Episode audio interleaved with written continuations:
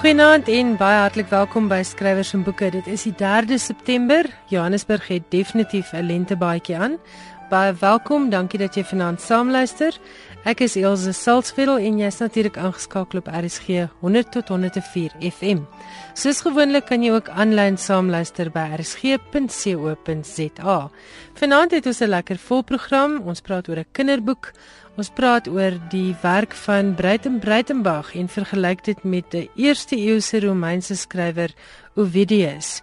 En dan is Johan Meiburg weer in die ateljee met allerlei interessante boeknuus. Dan het ek hier 'n uitnodiging wat ook aan luisteraars gerig is om Moetsie en Protea boekwinkel. Nooi u hartlik uit na die bekendstelling van die Alibi Klub deur Jaco van Skalkwyk. Jaco sal in gesprek wees met Lappe Loupsher En die tyd en die plek is die Protea Boekwinkel in Hatfield, Saterdag die 13de September. Dit begin om 10:00 stiptelik om 10:00. Jy kan dit bywoon deur eenvoudig vir Laurette laat weet by 012 362 5684 of stuur 'n e-pos na laurette l o u r e t by proteaboekwinkel.com. Dit is vir die vrystelling van die Alibi Klub deur Jaco van Skalkwyk volgende Saterdag 10:00 by die Protea boekwinkel in Hatfield. En Stellenbossers word uitgenooi om Saterdag die 6de September om 11:00 te gaan luister na Henry Jack Klute in gesprek met Wilken Kalitz oor Henry se roman Draainoot vir 'n Jan Fiskaal. Dit is hierdie Saterdag om 11:00 by Protea Boeke in Stellenbosch. Die 12de tot die 14de September vier Wellington se Breitenberg sentrum 'n heerlike leesfees. Dan is dit weer die naweek wat hulle noem Tuin van Digtersfees. Nou Annegret Erasmus van Wellington het laat weet dat hulle 'n eet, slaap en lees boekklub naweek beplan. Jy kan direk met haar skakel vir meer inligting daaroor, maar dit is 'n program wat uitgewerk word vir boekklublede of vir vriendinne of vriende wat die naweek wil bywoon. Dit sluit verblyf in by 'n gastehuis welkom drankies, aandete, ontbyt, vervoer na die fees, wyn en kosbespreking met Rachel Greef en MC Botha en daar is ook 'n begeleide wandeling deur die tuin. Dit is nou sommer van die goed wat my oog hier vang op die hele program. Maar vir die volledige program skakel met Annegret Erasmus 083 415 002 en sy sal dan vir jou inligting gee oor die pakket, wat dit behels en wat dit kos.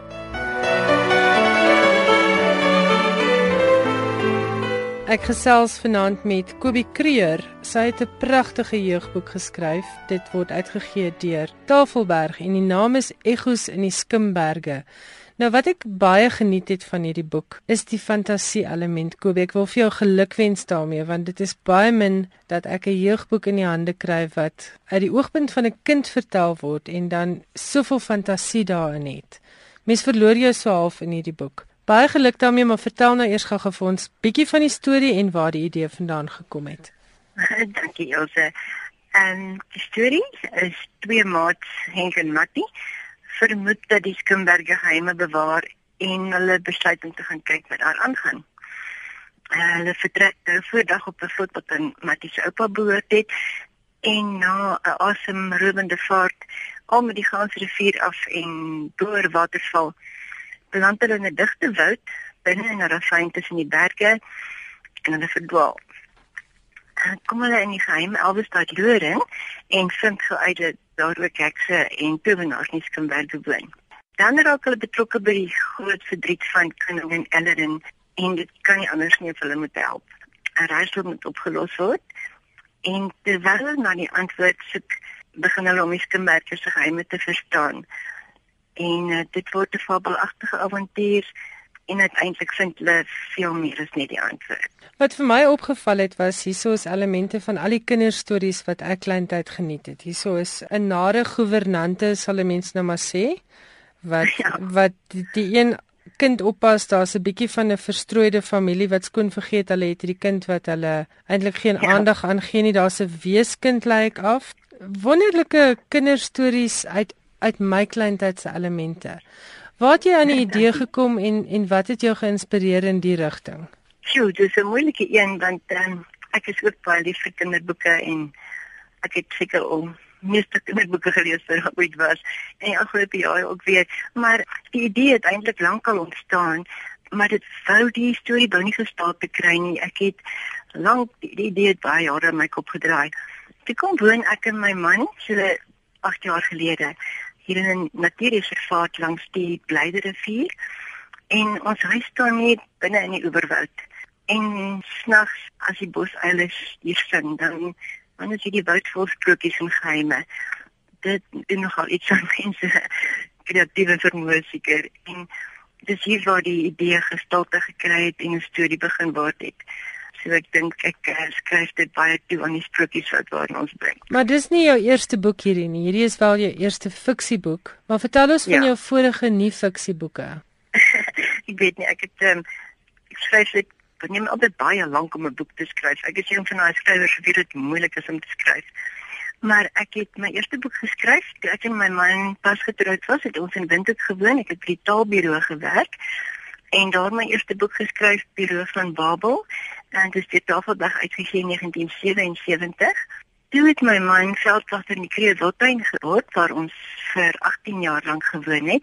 My eerste boekie daar, Boskonsert, is ook deur Tafelberg uitgegee in 1991. En daarna het ek in Engels geskryf Masangeni, Stories of, of a Game Ranger's Family into All Things Wild and Wonderful. Is Penguin uitgegee. En later het ek die twee boeke bietjie verwerk en saamgevoeg in een volume. The Wilderness Family wat in die buiteland uitgegee is 14 uitgewers in die buiteland het dit gekoop. In Nederland en in Duitsland was dit 'n topverkoper en in die FSA het dit die Alex Award for Young adult literature gekry. Die boek was nie vir kinders geskryf nie, maar ek was verras hoe baie kinders en jong mense dit geniet het en vir my briefies geskryf het om te sê dit het geniet het. en ek dink dit was een van die redes waarom ek dis geword het om vir kinders te skryf. En as ons nou praat oor the wilderness family, is dit nou wat die titel impliseer, die lewe in die bos, die, die lewe van 'n gesin in die Kreerpark? Ja, ons het ons drie dogters daar groot gemaak en dit was 'n lewe vol onvergeetlike ervarings gewees. Ons het baie weeskinders ook daar groot gemaak. My weeskinders bedoel ek wilde diere. Ons het 'n ratel en 'n meisond en en drie vlakvarkies en natuurboskat en muskiaatkat groot gemaak en uiteindelik 'n leeu en dit was 'n wonderlike ervaring geweest.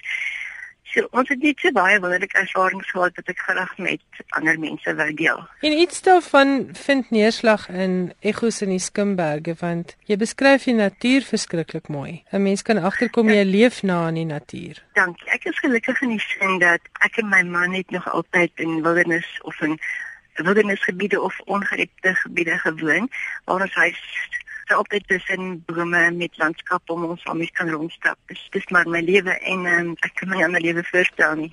Kobie jou pa was Yami Eis en ek vermoed dit het 'n groot invloed op jou kreatiwiteit gehad. Ja, ek dink so ek ek moet seker gehad het. Was nou bindend om te kyk hoe hy werk altyd en hy het ook van kleintyd af vir my aangemoedig om so baie lief gewees vir storieetjies skryf, het my aangemoedig om te skryf. Maar my ma het ook invloed gehad want daar was altyd en musiek in ons huis. As nie so groot voor dan is dit maar nader 'n deel van jou lewe dink ek. Nou hoe werk 'n boek? Kom meld die idee aan, kom meld 'n karakter aan. Hoe het Egos in die Skimberge gebeur? Jy weet nog vorige boeke was nie my idees wat ek moes optower nie want ons het dit het gegaan oor ons lewe. Maar Egos in die Skimberge is 'n idee wat sjoe, sommer net eendag lank gelede in my kop ontstaan het maar ehm um, dit het lank gevat vir die idee gestalte gekry. Dit is maar my storie maar my kop bly draai soos ek sê. Eerste ons hier in die blydere vier oor wat kom bly het die, die storie gestalte gekry. Ek sien seker hoe nie altyd dit gebeur maar net. Kobie, die boek se inligtingblad sê die boek is geskik vir kinders tussen 10 en 12. Maar ek het die idee dat selfs jonger kinders die boek sal geniet. Ek hoop so ja. My man wat altyd vir my reklame gemaak sê vir almal die boeke vir kinders van 8 tot 80. Ja, ek ek dink ek stem saam met hom hoor. Ek geniet dit regtig baie. Dankie. Dis lekker om te hoor. Dankie Elsje. Ja, ek het my kinders in gedagte gehad van die ouderdom. Ek het gedink 10 jaar en ouer. Ehm um, dis moeilik om te sê want dit hang natuurlik af van hoeveel kinders lees en nie lees nie, maar as ek kyk na die boekies wat ek gekry het na aanleiding van my vorige boeke, het selfs kinders van 9 en 10 jaar geskryf dat die boeke geniet en dit was tog nie vir kinders geskryf nie. Ek dink dit hang af van die kind self, maar ek dink ek sê skat 10 jaar en ouer. Jy sê jy het baie kinderboeke gelees die afgelope paar jaar. Dink jy ook 'n mens moet die veld waarin jy wil skryf deeglik ken? Ja, ek dink so want dit is vir my veral moeilik om vir kinders te skryf as ek nie geduldig tussen kinders is nie. Ek het drie klein kinders, maar die oudste eentjie is maar 9 jaar oud, die ander twee jonger en hierdie boek is vir effens ouer kinders, hoewel ek dink my 9-jarige kleindogter sal dit kan lees. Maar om my voeling te bly het ek maar al die beste kinderboeke wat ek moontlik in die hande kon kry, het ek gelees. Buitelands en ons lokale boeke, daar's ook baie mooies. Dit het my, ek dink dit het my hoofsaaklik gehelp om in voeling te bly met eh uh, vandag se kinders. Ek wil praat oor die feit dat ek nie een morele les raak gelees het wat eksplisiet uitgestal word in hierdie boek nie. Hierdie boek is absolute avontuur en fantasie en Ek dink 'n kind kan hom so lekker in hierdie boek inleef. Het jy dit opsetlik so geskryf? Dankie. Ja, dink ek het en ek dink dit kom miskien van my pa wat hy het 'n rolprente gemaak net met een doel om te bekoor en te vermaak. Daar was nooit sedelesse of boodskappe nie. En ek dink kinders ook het ontvlugting nodig en ontvlugting is iets wat bietjie met vry wees van issues en van sedelessies ek dink hulle wil ook net soms lekker bekoring vermaak word. Jy het subtiele boodskappe hierin. Die boek open met twee boelies wat op 'n skamerkind pik, sal ek nou maar sê en iemand wat dan tot sy redding kom. So daar is dis nie ondaan van morele waarde nie. Dit is net vir my wonderlik dat daar nie uitgespelde lesse is nie. Die leser maak die gevolgtrekking vir hom of haarself. Ek dink die, die lesertjie gaan nog steeds op die regte pad bly, maar hy gaan soveel pret hê tussendeur dat hy dit nie eens gaan agterkom nie. Dankie. Ek is bly jy dink so. Ja, ek dink as hulle hulle kan identifiseer met die karakters, dis twee goeie mensies en ehm um, dis buite van alles wat met hulle gebeur. Tree hulle altyd op na die beste van hulle vermoë. So as daar dan soos jy sê, as jy die lesie is, is dit onuitgestel. Kowie, dit was baie lekker om met jou te praat. Ek is baie jaloers as ek hoor waar jy bly. Geniet dit en geniet die stilte en skryf ons asseblief nog so boek. Baie dankie, Elsje. Ek het gesels met Kobie Kreur, sy is die skrywer van Egos in die Skimberge wat uitgegee word deur Tafelberg. Die boek kos R120 en is 240 bladsye van ongebreidelde pret. Ek kan dit regtig aanbeveel vir jong lesers, veral vir lesertjies wat jy dalk sukkel om aan die lees te kry. Hier is fantasie, avontuur, hier is oulike karakters en al die elemente van 'n goeie kinderverhaal. Aangesien ons nou oor kinderverhale praat en oor fantasie kinderverhale spesifiek, wat was jou gunsteling kinderverhaal? Die boek of die ding wat jy aan die lees gesit het en wat jy nooit sal vergeet nie. In my geval was daar beslis Liewe Heksie en natuurlik Pippi Lankhous en dan was daar ook 'n wonderlike Sweedse verhaal. Ek dink Sweeds of Noorweegs. Die boek se naam was Maren se uiltjie. Intussen hierdie boeke het ek eintlik geen ander keuse gehad as om 'n leser te word nie. Laat weet 'n bietjie wat is jou gunsteling kinderboeke herinneringe. Stuur 'n SMS na 3343. Elke SMS kos R1.50 en volgende week gee ek 'n bietjie terugvoer daaroor. Jy is ingeskakel op skrywers en boeke hier op RSG 100 tot 104 FM en ek is Elsje Salzwetel.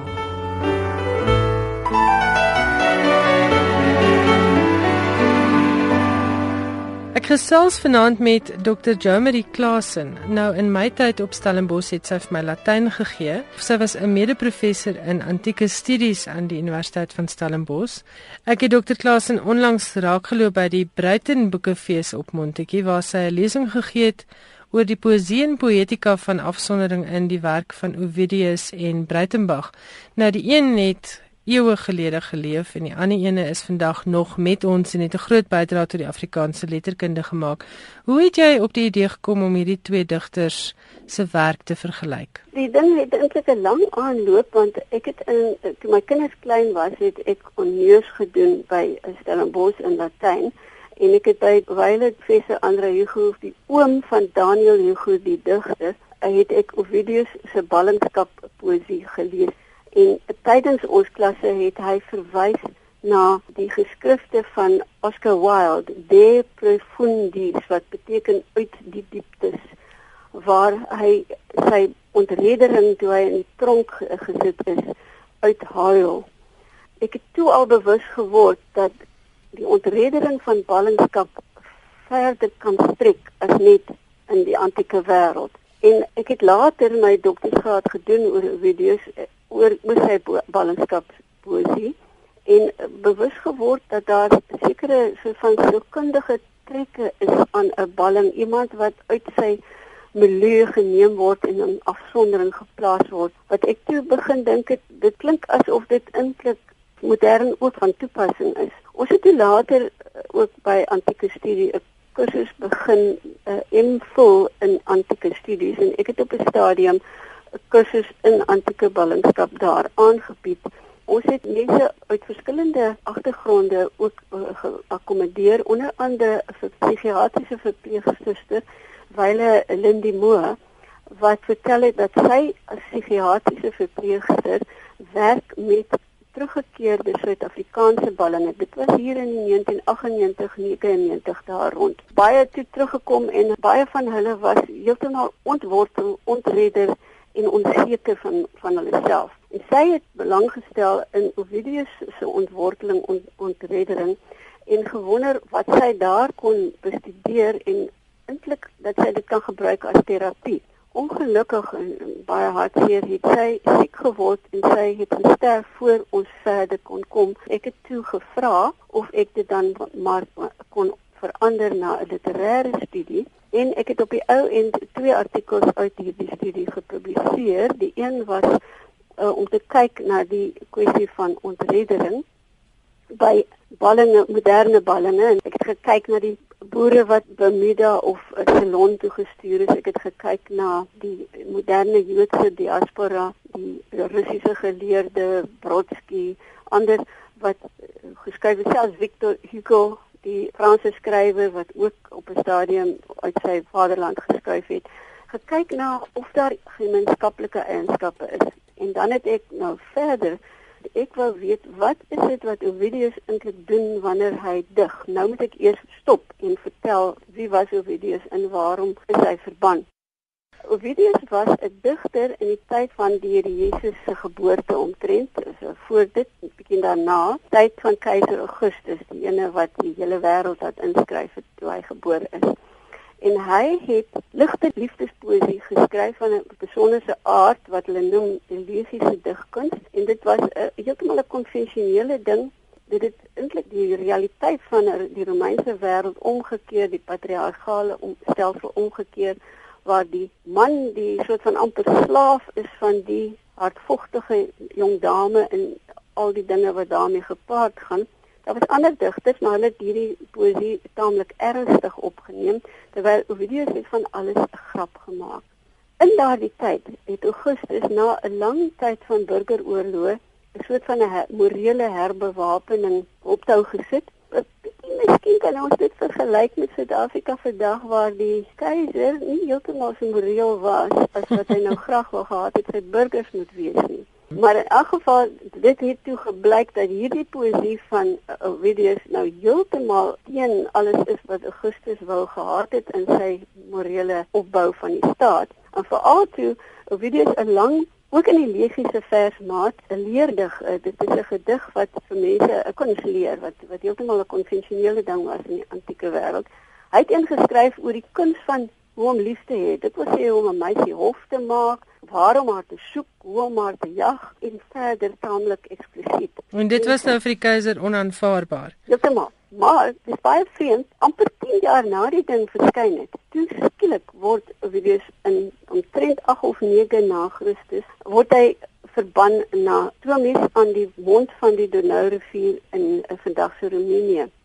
Sy gedigte van daar af In plaas daarvan dat hy nou ernstige uh van my sê essays of oop briewe skryf waarin hy pleit dat die keiser hom moet vergewe en dat hy moet toegelaat word om terug te kom, skryf hy nog steeds in die legiese versmaat. En hy skryf oënskynlik asof hy die keiser vir geweldig vereer, maar onder dit alles steek hy hom taamlik Daarbenewens verwys hy gedurig van iets wat hy verkeerd gedoen het, eintlik verkeerd gesien het en dat hy so jammer is dat hy dit gesien het en gedoen het. Niemand weet wat dit was nie. Waarskynlik een of ander politieke komplot waarvan hy geweet het en wat hy nie geopper het nie.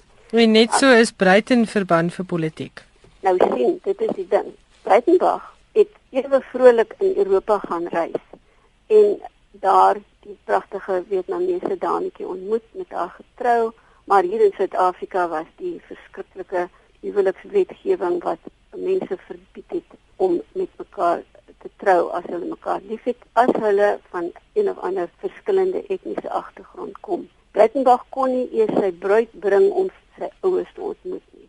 En hy het uiteindelik baie simpatie gehad met die weerstand teen die apartheid regering van die dag en hy het toe Suid-Afrika toe gekom om 'n soort van 'n skrywersbeen te begin van die weerstandsbeweging. Hy is gevang en hy is verhoor en by sy verhoor het hy omgedraai in geweldig berou vertoon en gebieg en so en hy's blykbaar so geadviseer want hy sou dan 'n ligter vonnis kry maar hy het nie hy het 'n geweldige swaar vonnis gekry en die eerste 2 jaar daarvan was in totale afsondering. Hy is toegelaat om te dig, maar alles wat hy elke dag geskryf het, is daai dag van hom af weggeneem.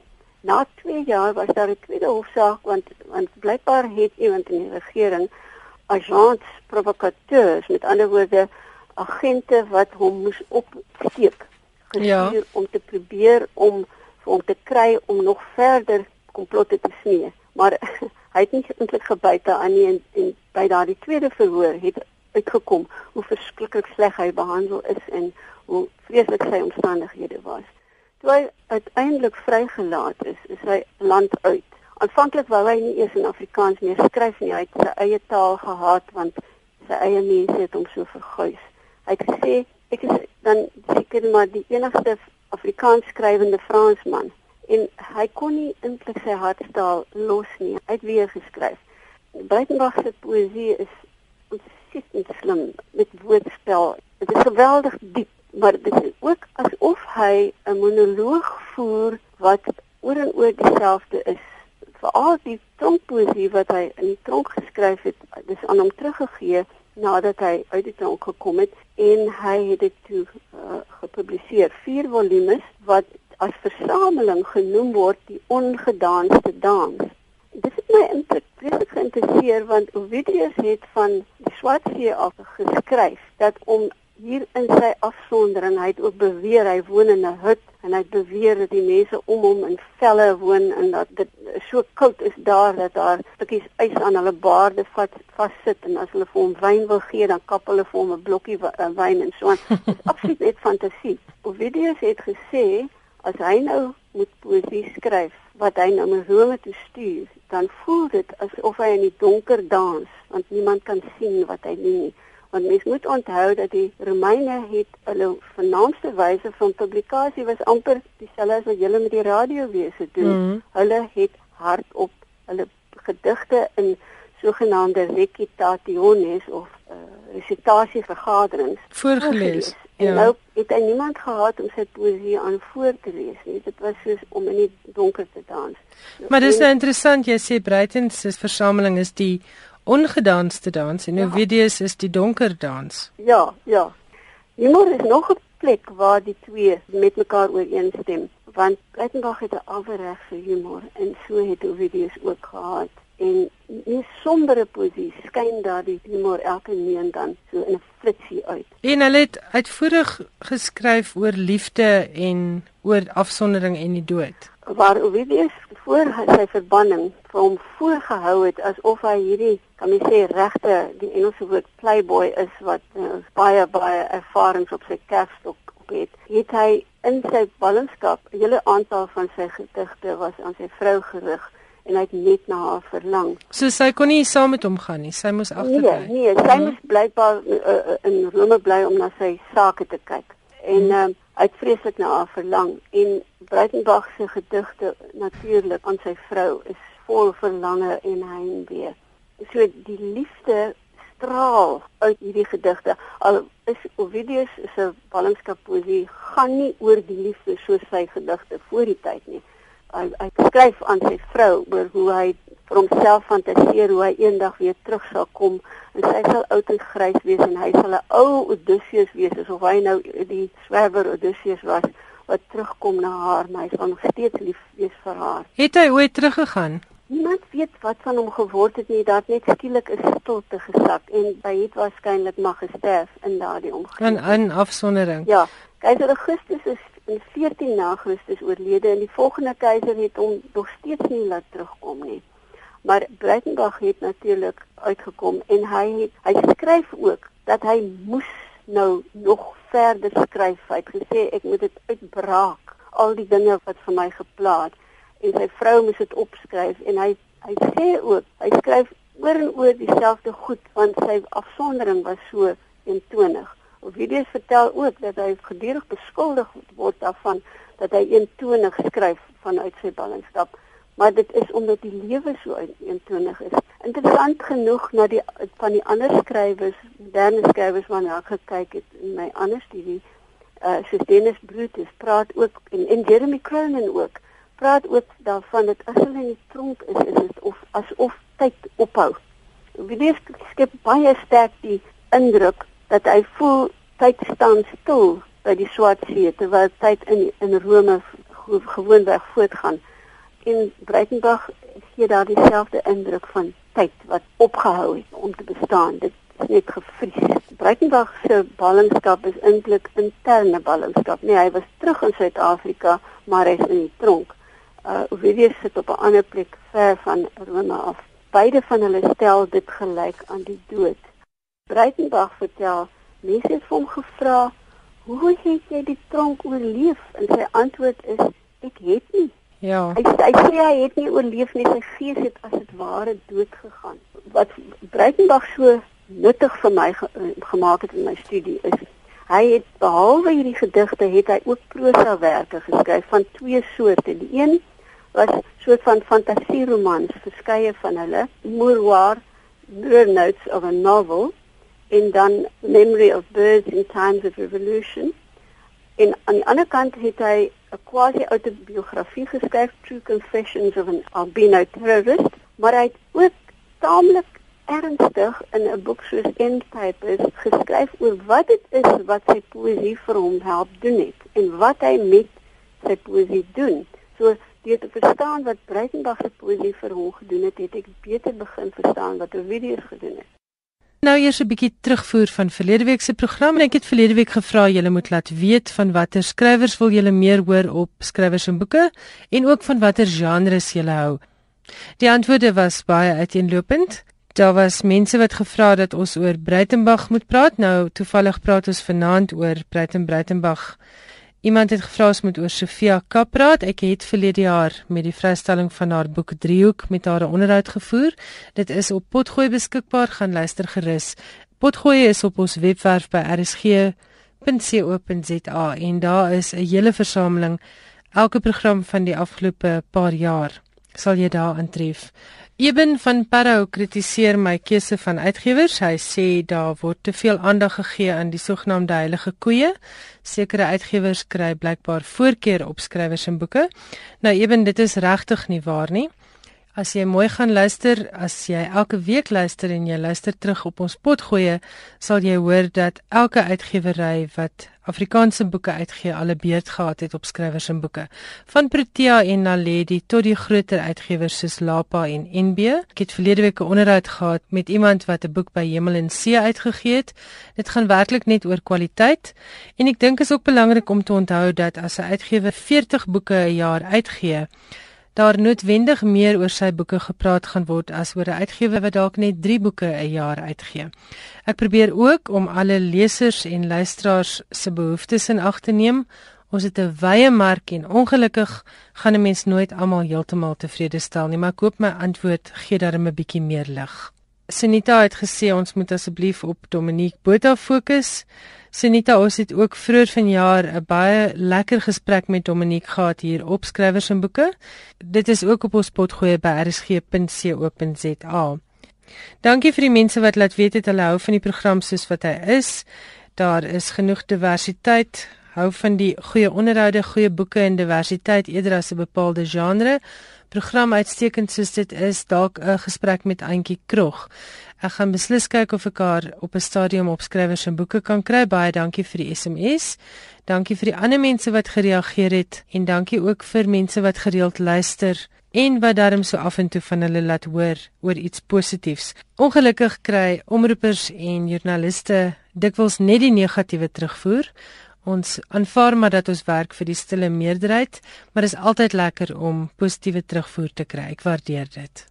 Ek het ook 'n navraag per SMS gekry oor die minimum vereistes vir 'n manuskrip voordat 'n uitgewer daarna sal kyk. Nou Chris, ek het ongelukkig nie vir jou antwoord daar nie. Dit verskil van uitgewer tot uitgewer. Ek dink hom nie hulle gaan vir jou diskwalifiseer as jou manuskrip op 'n tikmasjien getik is nie, maar ek stel voor dat enigiemand wat 'n manuskrip wil voorlê, dit direk aan 'n bepaalde uitgewer voorlê. Op die internet is daar by elke uitgewer gewoonlik ook 'n skakel wat sê manuskrip voorlegging en daar's al die vereistes uiteengesit en die korrekte adres om dit heen te pos en ook 'n telefoonnommer vir navraag. So ek stel voor enigiemand wat 'n manuskrip aan 'n uitgewer wil voorlê, gaan kyk maar eers op die uitgewer se webwerf wat is die vereistes. Ek kan ongelukkig nie daarmee help nie. Se luisteraarsvraag is: Watter kinderboek staan vir jou uit? Watter boek het gesorg dat jy 'n leser word? In my geval was dit natuurlik, ek dink soos baie Afrikaanse kinders, was dit Pippi Langkous en Liewe Heksie en dan was daar 'n wonderlike Sweedse of Noorse kinderboek, Maren se uiltjie. En dit is vir my, dink ek, die boeke wat saam met Trompie en Saartjie van my 'n leser gemaak het. Laat hoor gerus van jou by 3343 elke SMS kos R1.50.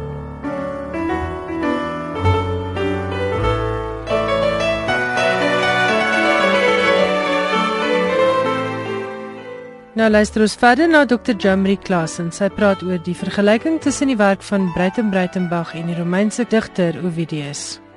Breitenbach sê woorde is vir hom holes in which you must stick death. En skryf is an anti-reality that causes reality to exist. Dit is interessant. Met ander woorde skryf is 'n soort van 'n terapie. Skryf is 'n baie besliste terapie. En dit was vir my baie interessant in al my kyk na verbanne digters, verbanne skrywers in teenstelling net met mense wat polities aktief was maar, maar, maar wat nou nie eintlik skrywers was nie, is dat deur te skryf of te sing, hulle 'n mate van innerlike vrede en vryheid gekry het. 'n Ander stukkie wat ek net ook vir julle wil aanhaal is wat Breitenberg praat van hoe dit voel om in die tronk te wees. Jy moet onthou dat 'n tronkdeur het altyd so 'n klein loergaatjie in die deur. En die Engels daarvoor is dit a Judas eye. Breitenberg sê it's easier for the camel word with no oil to its sound to slither through the needle's mouth than for the heart to escape through that Judas Dit is duidelik 'n knik na Matteus 19:24, maar dit is ook dan woordspel met Judas I, die hoegaatjie in die tronkdeur en met verraad, verraad. vriend. Ja. Deur sy deur die hele sou mens sê die Afrikaanse establishment wat hom in die steek gelaat het. Ek sien hier in jou notas praat jy ook van Brighton se nota aan sy vrou waar hy sê you gave me your strength and I survived. I died and you were there waiting. Ja, ja, dit is of sy vrou vir hom krag gegee het. Uh, die wete dat sy daar is. En wat wat ek ook baie interessant gevind het is dat beide Ovidius en Breitenberg het Ovidius is dit opvallend dat deur die jare van sy ballingskap want ons weet dat hy naaste by tot 17 na Christus moes gelewe het na na gelang van goed waarna hy verwys in sy geskrifte dat hulle sou mens sê hulle innerlike oog, hulle verbeeldingsoog al hoe sterker begin figureer in wat hy skryf. Ovidius sê dat hy hy sien Rome in sy geestesoog. Hy sien sy vrou en sy vriende in sy geestesoog. Hulle is daar in sy hart. En Breitenberg sê dieselfde. Die feit dat hy nie sy ma se begrafnis kon bywoon nie, het hy vir homself gesublimeer deur te skryf asof hy dit sien. Sy vrou toegelaat om af en toe vir hom te kom besoek, maar die besoeke was kort en hy was hy hy kon net oor sekere goed praat. Dis al die goed waaroor hy nie kon praat nie wat hy gedurig uitgespoeg het in die eerste klompie geskrifte na sy sy loslating.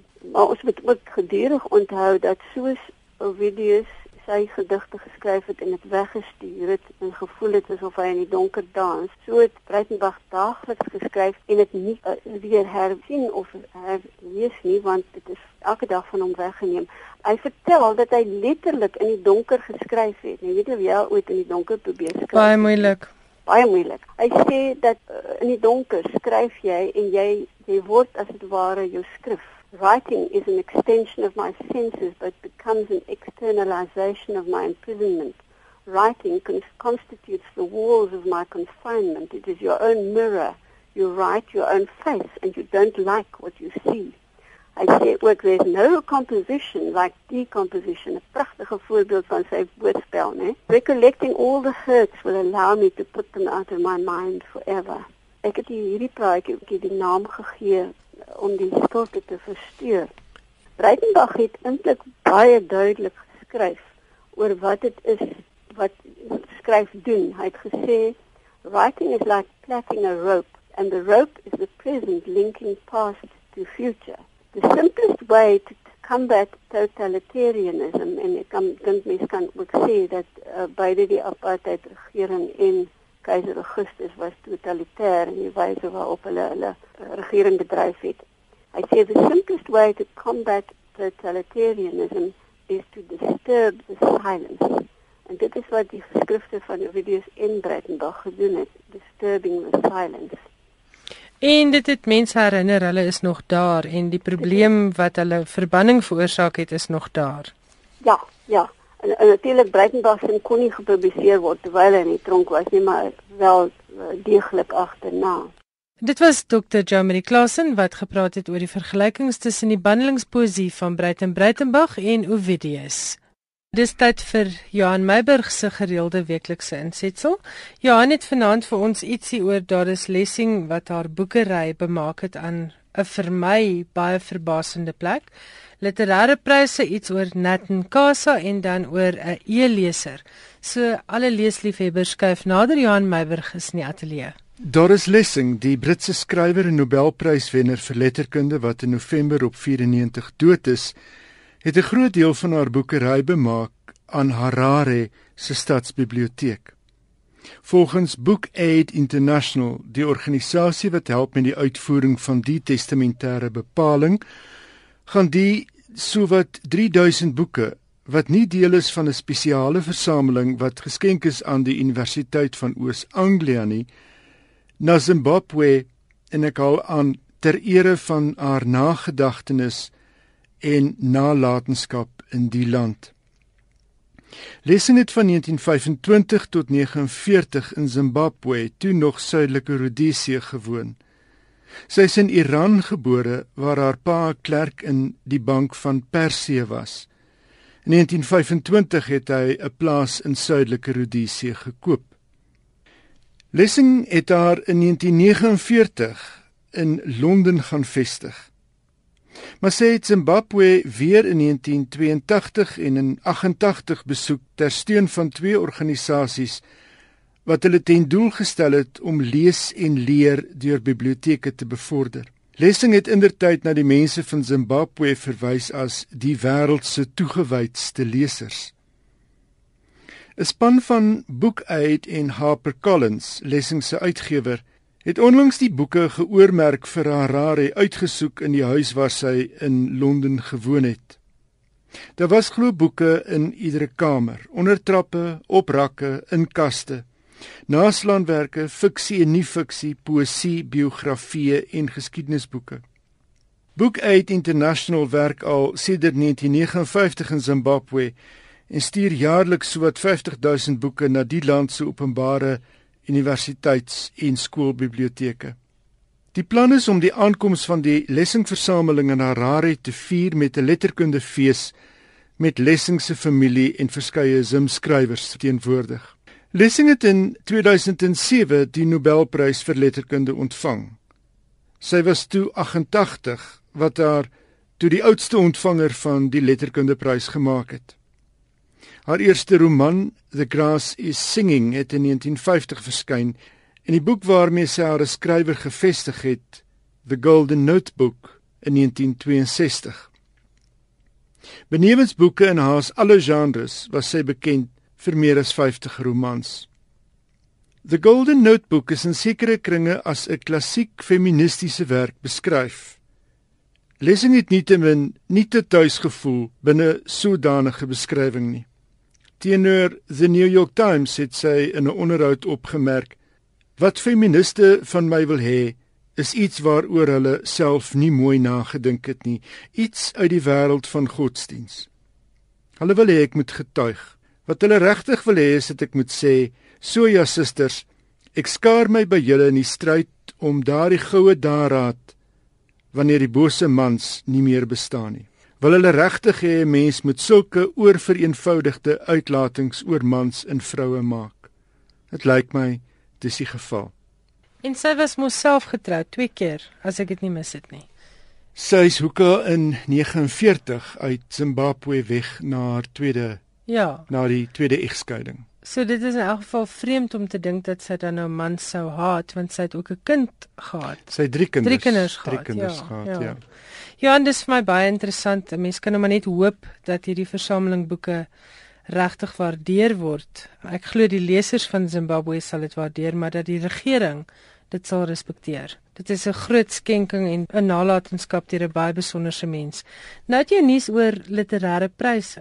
Ja, die James Tate Black Prys, Brittanje se oudste literêre prys, is op die pas afgelope Edinburgh Internasionale Boekefees in Skotland aan twee skrywers toegekend, die romanskrywer Jim Grace en die skrywer van wonderlike biografie Hermione Lee. Die prys word sedert 1919 jaarliks toegekend deur die Universiteit van Edinburgh. Vorige ontvangers van die prys met 'n prysgeld van sowat 176 000 rand sluit in D.H. Lawrence, Graham Greene, Angela Carter en Ian McEwan. Grace is bekroon vir sy roman Harvest, die verhaal van 'n afgeleë dorpie op die Engelse platteland wat te staan kom voor uitdagings in 'n veranderende wêreld. Lee die prys ontvang vir haar biografie Penelope Fitzgerald, A Life. Enkele van Fitzgerald se romans wat uitstaan is Human Voices van 1980 en Innocence van 1986. Haar laaste boek is The Blue Flower van 95. Sy is in 2000 oorlede. En dan het ek iets oor Nat Nakasa. Die oorskot van die Suid-Afrikaanse joernalis en skrywer Nat Nakasa het op 19 Augustus uit die FSA in Durban aangekom na jare se onderhandelinge. Nakasa word op 13 September herbegrawe in Chesterville, 'n township buite Durban waar hy sy kinderjare deurgebring het. Nakasa het in 1964 'n Niemann Genootskap gekry om journalistiek aan die Harvard Universiteit in die VSA te gaan studeer. Die Suid-Afrikaanse regering het hom 'n paspoort geweier, wat beteken dat hy nie weer na die land sou kon terugkeer nie. Hy het 'n jaar later van 'n gebou in New York na sy dood gespring. Hy was 28. Ndazana Nathaniel Nakasa is op 12 Mei 1937 in die landelike Lusikisiki in die Oos-Kaap gebore. Sonder om te matrikuleer, daar was nie geld nie, het hy in Durban gaan werk vir Ilanga, 'n koerant wat in Zulu en Engels uitgegee is. Later het hy in Johannesburg vir Post en Drum begin werk en vryskootwerk gedoen vir publikasies in Duitsland, Swede, die FSA en Brittanje. Hoewel die intellektuele blootstelling in die FSA om goed te pas gekom het, het hy gou na die huis begin hinker en terneergedruk geraak. Hy het in daardie tyd aangedui dat hy beplan om 'n biografie te skryf oor Miriam Makeba. Na sy dood was pogings om sy liggaam na Suid-Afrika te bring vrugteloos en hy is in die Ferncliff begraafplaas in New York begrawe.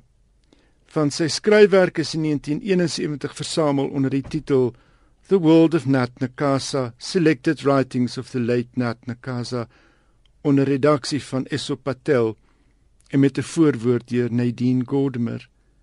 Dis uitgegee deur Raven Press.